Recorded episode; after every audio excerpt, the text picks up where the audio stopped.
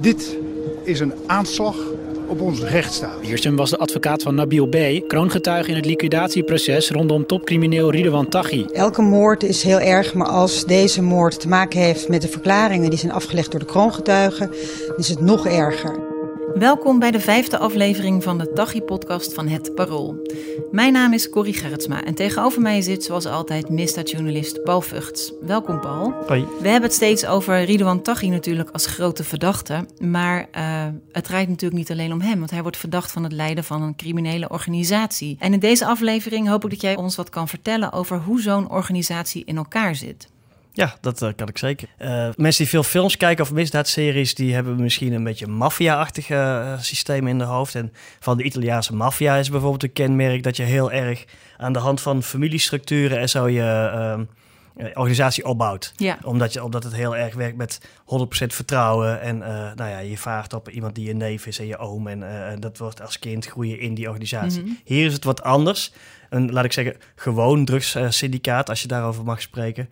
Um, moet ook op vertrouwen worden gebouwd, maar in dit geval op een iets andere manier. En in uh, Tachi's geval is de, uh, een belangrijk deel van, uh, van de leidinggevende groep van de organisatie, die heel groot is, zijn echt jeugdvrienden van vroeger. Ja, want je hebt toen in een eerdere aflevering verteld dat hij in een soort jeugdbende zat. Ja, hij zat in een jeugdbende die noemde zichzelf de Bad Boys. En die deden nou ja, van kleine tot iets grotere misdrijven en straatraces. Daar hebben we het over gehad. Uh, mensen die toen een beetje die jeugdbende leiden, waar hij een niet zo belangrijke factor nog in was, uh, zijn later voor hem gaan werken als een soort adjudanten. Mm -hmm. En dat is nog steeds in, in het hele spectrum van zoals de organisatie er nu volgens het Openbaar Ministerie uitziet. Spelen mensen uit die groep een uh, grote rol. En een tweede groep uit Utrecht uh, rond de familie uh, Razuki. Said Razuki wordt beschouwd als rechterhand van Ja, is Taghi. ook opgepakt hè? een paar maanden nadat uh, Taghi is opgepakt. Ja, klopt. Die is begin 2020 opgepakt en Taghi eind in december 2019. je ziet die structuur. Dus je hebt de leiding en een, een groep die, zich, die ook echt elkaar heel erg vertrouwt. Daaronder, en dat is erg interessant, heeft die groep geprobeerd de organisatie in divisies op te bouwen. Zodat de verschillende uh, armen van de octopus uh, van elkaar niet weten uh, wie ze zijn, wat ze doen. Ja, want je bent natuurlijk altijd bang, lijkt me als je in zo'n organisatie zit, dat een keer iemand doorslaat of een keer iemand iets verlinkt. Ja, en om dat te voorkomen heeft de groepering twee strategieën gehanteerd. De ene strategie is pure angst creëren. Mhm. Wie praat, die gaat. Iemand die ooit maar iets tegen de politie zegt of tegen rivalen of zo, uh, die weet dat hij uh, het risico loopt geliquideerd te worden. Helaas weten we inmiddels dat zelfs diens familieleden soms, of een advocaat, Dirk Wiersum, het Ja. risico lopen geliquideerd te worden. Dus angst is één pijler om de orde te handhaven, zeg maar. De andere pijler is het opsplitsen van de organisatie in allemaal losse brokjes. En dan heb je bijvoorbeeld de hitters, die uh, huurmoorden moeten uh, plegen, dus die echt schieten. Uh, dan heb je de spotters, die moeten voorbereiden dat die huurmoorden kunnen worden gepleegd. Door de gangen van doelwitten na te gaan, door ze te filmen, door ze te volgen en zo. je hebt drivers, chauffeurs. Um, je hebt mensen die auto's stelen. Uh, en, en dat zijn allemaal losse uh, groepjes die elkaar geacht worden niet te kennen. Maar die mensen werken natuurlijk wel heel erg samen. Want als jij een spotter of als iemand een hitter is, die moet toch ook iemand hebben die een driver is om weg te komen. Ja, dat, die, die twee wel. Ja. Uh, maar de spotters die dus een doelwit heel zijn gangen in kaart hebben gebracht en zo, die spotters hoeven niet te weten wie de hitters zijn. Nee. En de hitters hoeven niet te weten wie de spotters zijn. Dus dat is een, een strategie die heel belangrijk is. En dat zie je ook nu in. Uh, nu de grote onderzoeken allemaal lopen uh, tegen Taghi en zijn uh, beweerde, moet ik altijd nog zeggen, criminele organisatie. Mm -hmm. Daarin zie je heel erg dat die losse groepen ook apart voorkomen. Is er een soort uh, statusniveau onder dat soort banen? Dat je, dat je begint als kleine jongen, dat je dan een spotter bent. En als je dan iets beter bent, mag je gaan autorijden. En als je nog beter bent, ga je liquidatie plegen? Of is het meer, zijn dat... Ja, het zijn natuurlijk ook heel ander soort jongens waarschijnlijk die dat willen Ja, kijk, ten dele, het is, um, laat ik zeggen, de hitters en de drivers en de spotters. Dat is een beetje één, één soort uh, um, salarisschaal, zou ik zeggen. Ja. en dan heb je uh, tussenkaders, zoals het middenkader, uh, waarvan dan zo'n uh, Nibble B ook naar eigen zeggen ook uh, deel heeft uitgemaakt. Ja, en die hebben natuurlijk veel meer kennis ook. En die, die moeten veel meer weten. Het is net als in een groot bedrijf heb je dan uh, die worden ook beter uh, beloond, die mogen meer weten en uh, die mogen meer uh, beslissingen nemen. Ja. En dan heb je daarboven natuurlijk Tachi en, en de echte vertrouwelingen om hen heen met wie hij dagelijks contact heeft. En dat is bijvoorbeeld Said Razuki aan de ene kant en Mao R, uh, iemand uit die Bad Boys uh, band aan de andere Mhm. kant.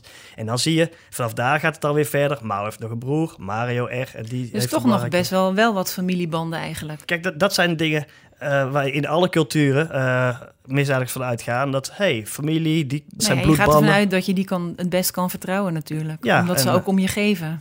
En dat valt soms bij, soms valt het tegen.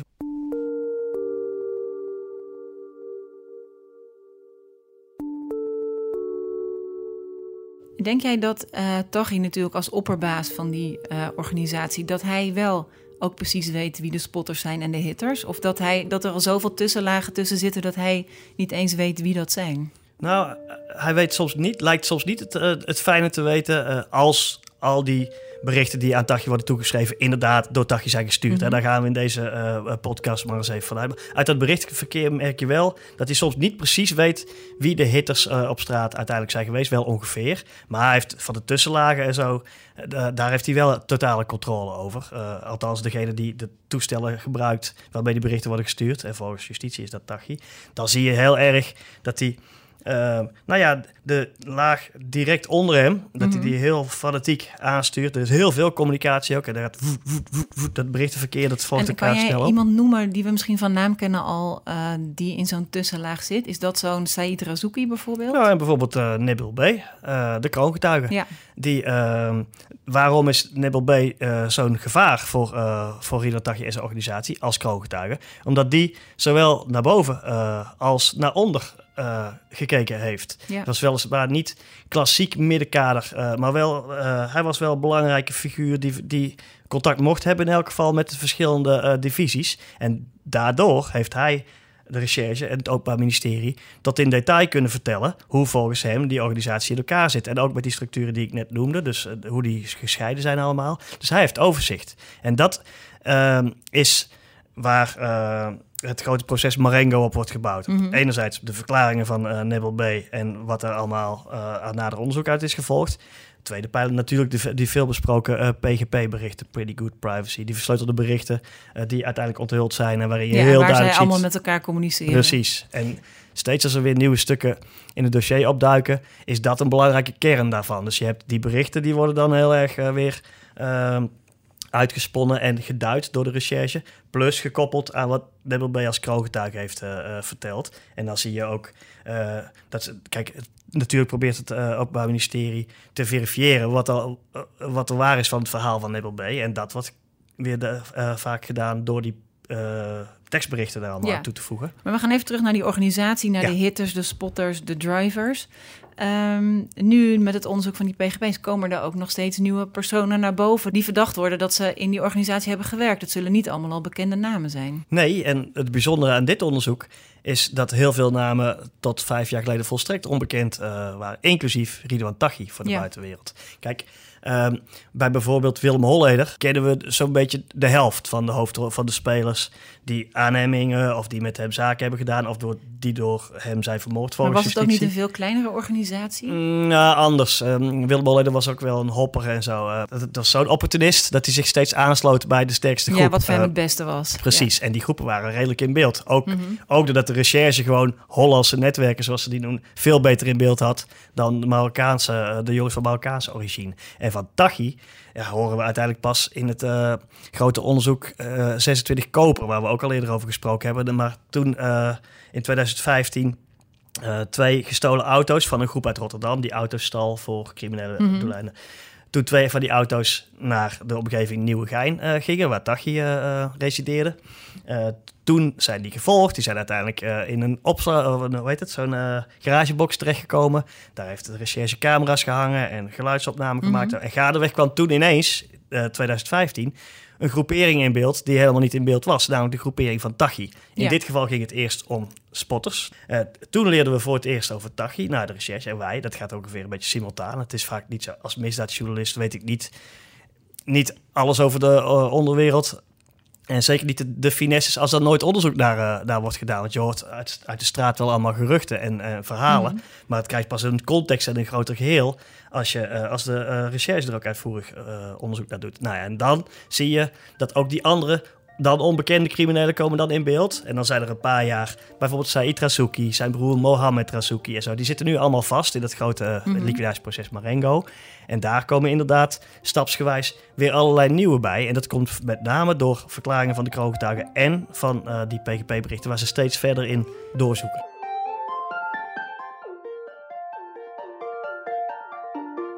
Je ziet ehm, dat, dat eh, het bericht, uit het berichtenverkeer dat Tachi met al zijn argwaan en zo wel heel erg steeds in contact blijft met, met de top van zijn, eh, eh, eh, nou ja, wat ik zeg, criminele bedrijf. Mhm. En, en dat hij dat wel, dat hij het heel belangrijk vindt dat er ook snel weer wordt geantwoord en zo. ja, en dat als hij dus ook heel veel weet. Ja, ja, en ook dat die mensen tot de orde roept. Ook hoge mensen, bijvoorbeeld toen die hele zaak 26 Koper in 2015 tot arrestaties leidde. Toen dus bleek dat de recherche inzicht had gekregen in een groep spotters. Nou ja, toen was het dagje woest. En we, we, we weten uit het berichtenverkeer dat eh, volgens justitie door hem is, eh, de berichten die door hem zijn gestuurd, weten we heel goed dat, dat hij dan ook echt eh, Mario R. en anderen tot de orde van hoe hebben we dit nou, hoe he- sukkels, hoe hebben ze dit nou kunnen, zo kunnen verkloten? Mhm. Dat de recherche via via heel makkelijk heel veel informatie kan krijgen. Hoe heeft die ploeg, die had, ook weer een eigen leider, hoe, die werd Boek genoemd. Hoe heeft Boek dit zo kunnen verpesten dat we nu zo in beeld zijn? En Maar dan zegt hij daarna overigens weer in latere berichten tegen eh, een belangrijke handlanger van... oké, dit was fout, laten we daarvan leren... en laten we eh, er niet te lang meer bij stil blijven staan. Net we als een nu manager van een bedrijf. Precies, inderdaad. dus, Ja. dus in die zin zijn er wel parallellen tussen eh, CEO's en Tachi. Moet ik er wel bij zeggen dat in de onderwereld van, veel criminelen... bijvoorbeeld Rico de Chileen, die ook alweer in, in de zijlijn een rol speelt... die veel bedaagder zijn en zo. Daarvan wordt gezegd dat zouden wel goede CEO's kunnen zijn geweest in het bedrijfsleven.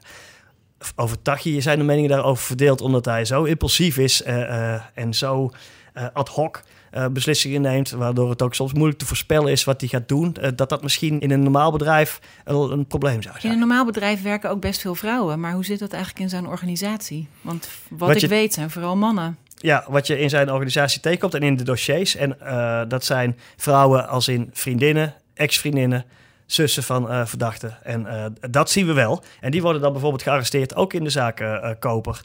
omdat ze mogelijk informatie hebben. Omdat ze zelf ook in het berichtenverkeer rolletjes hebben gespeeld. Omdat ze Mhm. soms wel eens als ehm, loopmeisje eh, worden Ja. gebruikt om, eh, eh, om dossiers ergens te halen of informatie te verzamelen en dingen over te dragen.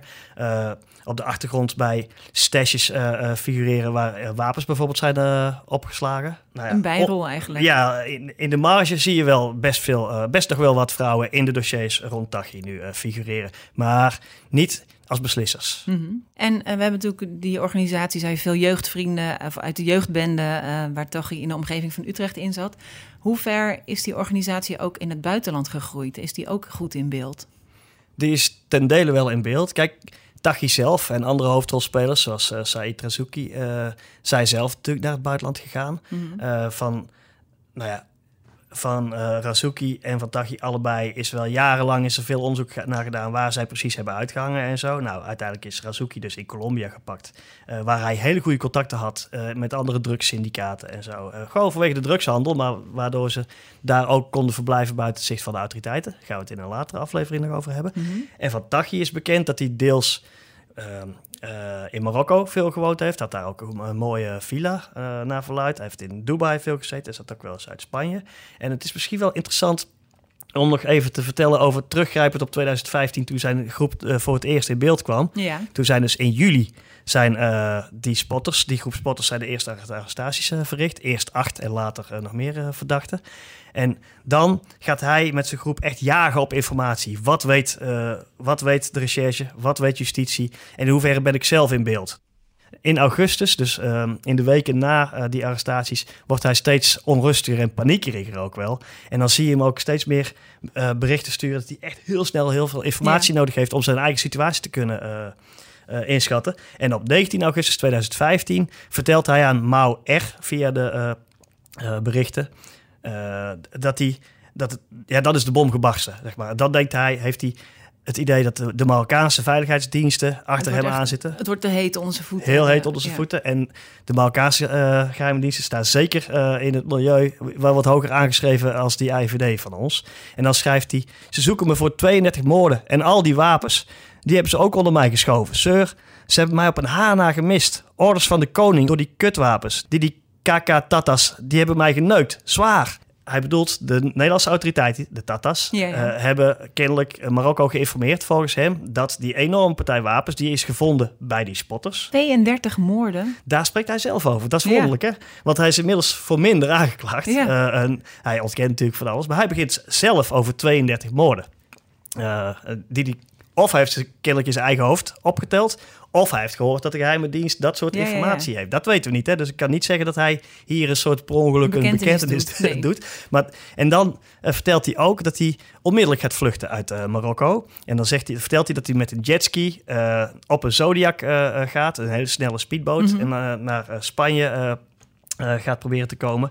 En dan vertelt hij het ook uiteindelijk eh, aan zijn vrouw. En dan zegt hij ook dat hij op het strand, dat het gelukt is, dat hij op het strand eruit is gesprongen, dat iemand op een motor hem heeft eh, opgepikt, dat hij ergens heeft Dus kunnen douchen. eigenlijk, dit is allemaal uit die PGP-berichten Ja. ook. En het zijn dus niet alleen de berichten naar zijn handlangers in criminele organisatie, maar ook zijn privéberichten. Ja, ja, want ook, hij communiceerde ook met zijn, eh, zijn vrouw, die voornamelijk in Dubai eh, verbleef, Mhm. via de PGP. En hij zegt daar, en dat is wel interessant, dat is dus in augustus 2015, eh, dat hij vreest dat hij levenslang gaat krijgen als ze hem te pakken krijgen. En dat hij misschien wel zijn gezin, zijn kinderen en haar nooit meer zal zien. En dan vo- voel je ook wel een soort empathie in die berichten doorschemeren. dus Ja. dat, dat is wel wonderlijk als je dat soort dossiers zit te lezen. Dat je eigenlijk om lijkt het alleen maar om keiharde criminaliteit en om impulsieve gedachten. Hey, die moeten we Ja, liquideren. en dan denk je, die- hij is ook vader. En ineens toont hij zich ook een vader en eh, noemt hij haar met een koosnaampje. En eh, eh, ja, dan denk je, goed, ja, kennelijk heeft hij ook die kant. Ja.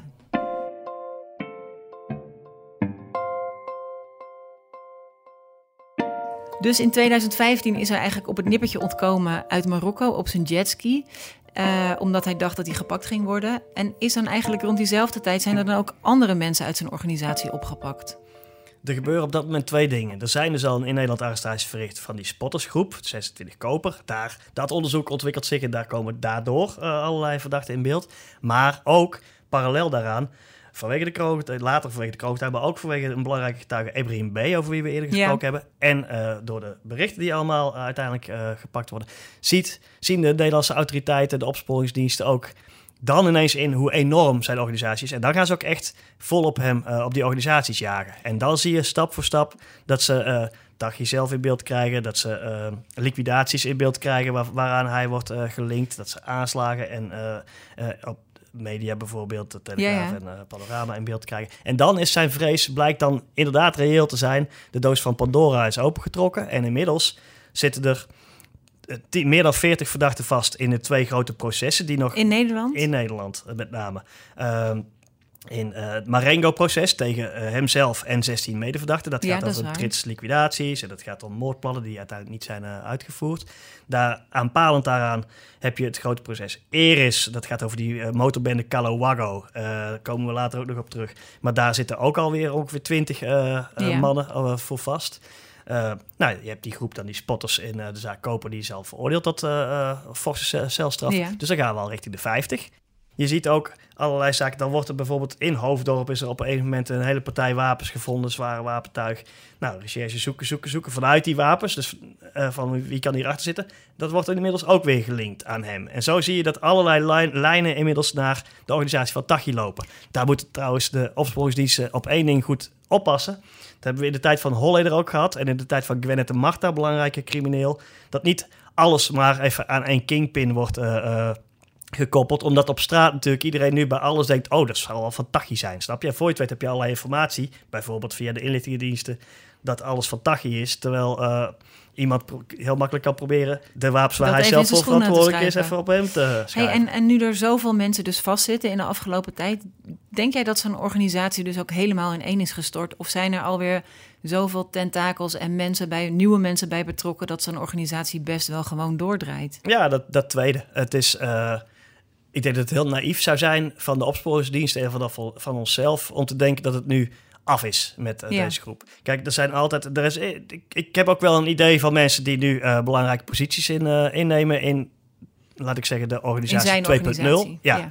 Ehm, daarnaast zijn er natuurlijk ook internationaal eh, wordt er natuurlijk wel gekeken door concurrenten of ze hier nu misschien een deel van die drugslijnen kunnen overnemen. En Ja. zo. Maar nee, je ziet wel, je ziet duidelijk dat er eh, mensen, ook wel indirect eh, familieleden eh, van hem, nog in beeld zijn als opvo- soort van opvolgers. En er Dat zijn lijkt, maar dat lijkt me dan toch ook, als je familie bent, dan lig je toch al zo onder een vergrootglas. Jawel, maar je kunt onder een vergrootglas liggen en dat wil nog niet zeggen dat ze je meteen kunnen pakken. Als jij ook weer slim bent en op tijd naar een buitenland gaat en probeert heel goed via al die dossiers die er nu zijn overzicht te houden van wat weet wat weten de opsporingsdiensten van me. Ja, en je organisatie dus heel slim op te bouwen met al die verschillende mensen die niks van elkaar weten.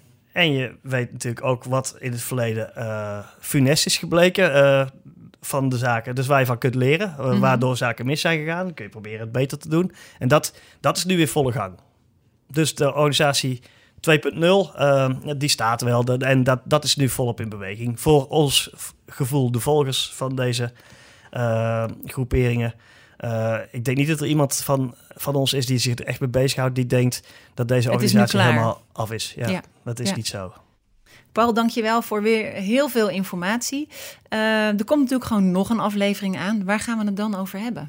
Dan gaan we het hebben over hoe eh Ridwan Taghi en ook Said Razouki eh, lang uit beeld zijn gebleven eh, van de opsporingsdienst die erg naar hem op zoek waren. Dat geldt bijvoorbeeld ook voor Mao R en dienstbroer. Ja, ja, ja. Je gaat nu alweer. Ik hoor alweer dat je helemaal de diepte ingaat. Dat gaan we gewoon voor de volgende keer Zo bewaren. is dat. Heb je deze podcast met plezier geluisterd? Geef ons dan een recensie op iTunes en deel hem vooral ook met al je vrienden.